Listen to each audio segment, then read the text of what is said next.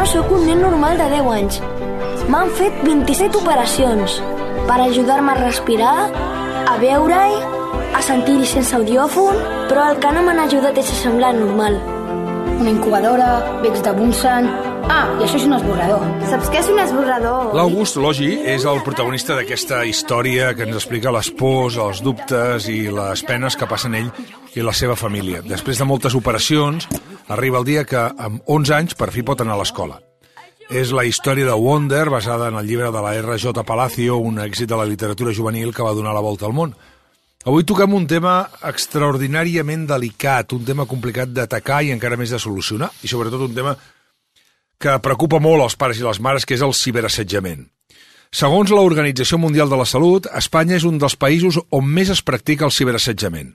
Atenció, un de cada quatre casos de bullying escolar és a la xarxa. I a la majoria de casos, estem parlant de més del 80%, passa en una plataforma tan comuna, aparentment tan vulgar i sobretot tan innocent com WhatsApp. I segons un estudi de Save the Children, la meitat, atenció, la meitat dels adolescents encastats va reconèixer haver fet ell ciberassetjament en alguna ocasió. déu nhi la magnitud de la tragèdia Ganyet. Anirem a poc a poc avui perquè el tema és molt gros. RAC1 i EAE Business School us ofereixen El raconet de la tecnologia amb Jordi Basté i Josep Maria Ganyet. Què és exactament el ciberassetjament o el ciberbullying? El ciberassetjament és l'ús d'informació electrònica, l'ús de mitjans electrònics, correu electrònic, xarxes socials, blog, missatgeria instantània, amb això que dèiem el, el WhatsApp, per fer mal amb algú, per assetjar algun individu o amb un, amb un grup. Eh? Atacs personals, atacs a, a grups, eh, amb grup, individuals, i això, òbviament, segons el nivell, segons el grau, pot constituir delicte penal. Eh? El ciberassetjament és aquest acte voluntari de voler anar a fer mal amb algú, però no és tan fàcil com tot això. Hi ha molts, molts problemes, sobretot els que tenen, que veure, eh, els que tenen a veure amb, amb l'anonimat. Per exemple, un, eh, un assetjament presencial és molt més fàcil de detectar, Correcte. fins i tot per l'assetjador que està fent assetjament i que algú veu algú que està patint, que no pas quan passa a la xarxa, o quan passa un mitjà electrònic com un mòbil. Clar, abans hi havia un cas d'assetjament escolar, la víctima sabia qui era l'agressor, qui l'insultava, qui l'agradia i qui li feia la vida impossible. Però quan això ara passa a la xarxa, normalment passa en l'anonimat i això, el problema es converteix en un problema molt més gruixut, no? Molt més, és aquesta dificultat d'identificar uh, l'assetjador o assetjadors, no saps qui hi ha darrere, pot ser el, el, el teu company, el que s'asseu a, a classe al costat teu. Uh, i després hi ha un, hi ha un fet eh, afegit, que és dir, l'assetjador no veu el, el mal que està fent. Mm. Si tu veus algú que està patint, hi ha un moment que dius, bueno, potser que n'hi ha prou, o la pressió dels que hi ha al teu voltant diu, pareu. En canvi, quan és mitjans electrònics, això no es veu. Això passa a, a la solitud d'una habitació. Passa quan l'altra persona potser ja està dormint, saps? Mm -hmm. I després hi ha un altre problema afegit, que és uh, uh, que a vegades, a, a vegades els ciberassetjadors no se n'adonen del que estan fent. O sigui, tu pots participar amb uns riures en xarxa i realment estàs causant molt mal i tu no n'ets conscient. Dius, ostres, tu estàs assetjant? No, jo no estic fent res. Clar, la, la part més complexa del ciberassetjament precisament és aquest que ara comentaves, que és el tema de, de l'anonimat, perquè quan, quan parlem de detectar el ciberassetjament, en un pati, uh -huh. tu veus de seguida que el que passa, uh -huh. però en canvi a WhatsApp es queda allà soterrat per sempre més. Clar, sí, sí. Pot quedar-se soterrat perquè el qui és assetjat no ho denunciï o no surti, no ho tregui a la llum i allò queda allà amb unes conseqüències psicològiques eh, que poden arribar a ser molt greus. Uh, pot ser que ho arribem, ho arribem a treure, però que no identifiquem mai qui és o qui hi ha darrere, ni si tan sols si són de l'escola, si són companys, o, o el que dèiem abans, si seu al teu costat. I això, que vull dir que tu pots, de vegades, uh, amb un riure, amb una trolejada, i pots realment estar assetjant, no? Clar, és que no saber qui t'està assetjant és fatal per les víctimes, no? Perquè això té uns efectes psicològics gravíssims, perquè pot ser el teu company de classe, pot ser d'una d'una manera grupal. Uh mhm. -huh. bueno, ciberassetjament, perquè ens entenguem, és la manera de fer l'assetjament a la xarxa. Uh mhm. -huh. Ens diu que l'assetjament passa a internet, però de què estem parlant? Què els hi passa o els hi pot arribar a passar a les persones que en pateixen? Eh, Sí, això, eh, hi ha molts tipus de ciberassetjament, van des de la broma de mal gust fins al delicte penal, eh? Mm. un, trolejades, insults, amenaces, eh? arribant fins a la usurpació d'identitat, a fotomuntatges o imatges denigrants, o, o, o exposar a menors a imatges que els poden pertorbar. Mm? Eh, eh, pensa que, segons les dades de Save the Children, 8 de cada 10 adolescents catalans eh, n'han patit, o el pateix, eh? 8 de cada 10, és molt, eh? eh hi ha moltíssimes modalitats d'assetjament o de conductes eh, diguéssim, eh, que, que, que poden arribar a ser delicte. Per, Per exemple, exemple? el, el sexting sense eh, consentiment. Això és... A missatges sexuals o de material sexual que es difonen sense el consentiment de l'altra persona. O sigui, Val. eh, menors que s'envien eh, fotografies, textos, és igual. I això algú decideix que ho fa públic, al grup, i aquí doncs, ve un, unes conseqüències eh, de, de ciberassetjament del grup en aquesta persona. O sigui, extorsió. Eh? Escolta, si no fas el que jo vull, eh, amb, una, amb una relació tòxica, eh, difondré aquelles fotos que em vas enviar eh, que, que són comprometedors del, del tipus sí, que sí. siguin. Eh? Eh, eh, violència virtual amb la exparella, aquestes relacions abusives eh? d'una persona amb la seva parella o exparella. Escolta, tota aquella informació que tu em vas dir o d'allò, jo la faré eh, pública. Eh? Uh -huh. Una, pot, pot arribar a ser sextorsió. Eh? El que hem dit, ciberassetjament, ciberbullying, violència entre iguals, que tu eh, fas accions per, publica, per eh, provocar mal amb algú, o això que tan, malauradament està tan de moda, que té un nom eh, eh, hor- horrorós en anglès, que és el happy slapping. És a dir, fer mal amb algú, filmar-ho, Físicament, eh? físicament, filmar-ho i després riure tots a la xarxa publicant-ho això, fent-ho viral. Eh? Hem vist agressions recentment que menors publiquen com agredeixen a un altre menor i això, eh? publiquem-ho que és divertit. Home, és, és molt bèstia. La publicació d'allò que no és teu sempre és delicte.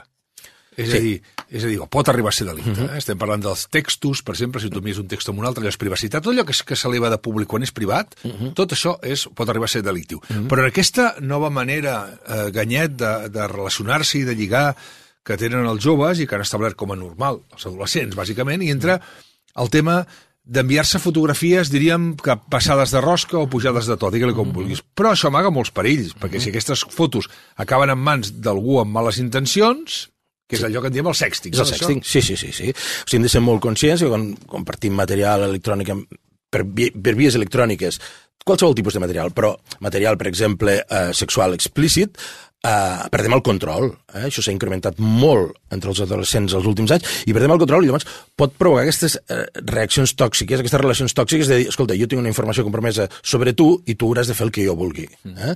Llavors, eh, els, el, ciber, el sexting eh, és una de les formes canòniques que utilitzen els ciberassetjadors per fer mal.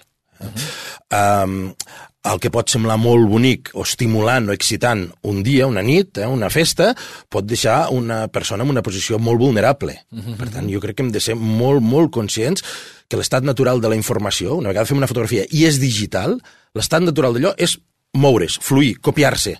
Eh? Mm. Quan tu vas una foto i la poses en un calaix, d'allà no surt. Correcte. Però quan és digital, el que costa és que no surti del mòbil. És, és, és Sí, al sí, t'entenc perfectament. Eh, llavors, eh, si voleu fer sexting, eh, es- es- escolta, la vostra parella, el que sigui, eh, eh, almenys utilitzeu una plataforma que tingui missatges efímers, que dius, tu envies una foto i al cap de 5 minuts, un minut, aquella foto s'ha esborrat. Mm. Penseu també que aquella persona amb aquella plataforma no podrà baixar-se aquella foto, no, la, no podrà fer una captura de pantalla perquè l'aplicació no li deixarà. Però fer, pot fer-se una fotografia. Però clar, pot agafar un altre mòbil. Si us volen fer mal, poden agafar un altre mòbil i gravar el vídeo o gravar la foto, eh? Clar, i quan parlem de ciberassetjament, Ganyet, estem parlant d'un fenomen únicament entre l'adolescència o no?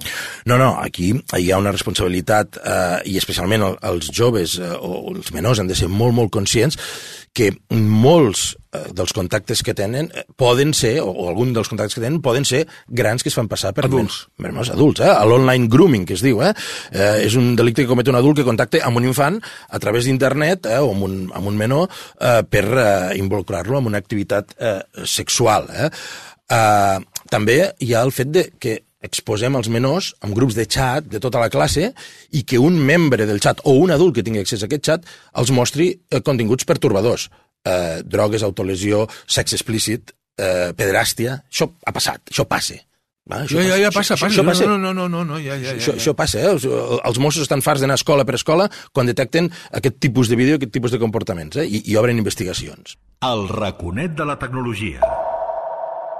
Escolta'm, hi ha una cosa que que es diu Sharenting, Sí, que que, a mi això, sí, això és apassionant, és un tema molt, apassionant, apassionant. aquest, eh? Estem parlant... Què és això exactament? Explica-ho.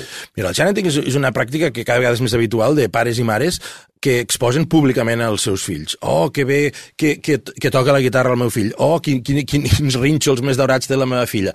Oh, oh que bonic. Oh, que, que, que Einstein que és el meu fill o la meva filla. Uh, aquesta sobreexposició de, de, que, que, que Aquesta mania de sobreposar Exposar els fills. els fills, quina mania. Sí, eh?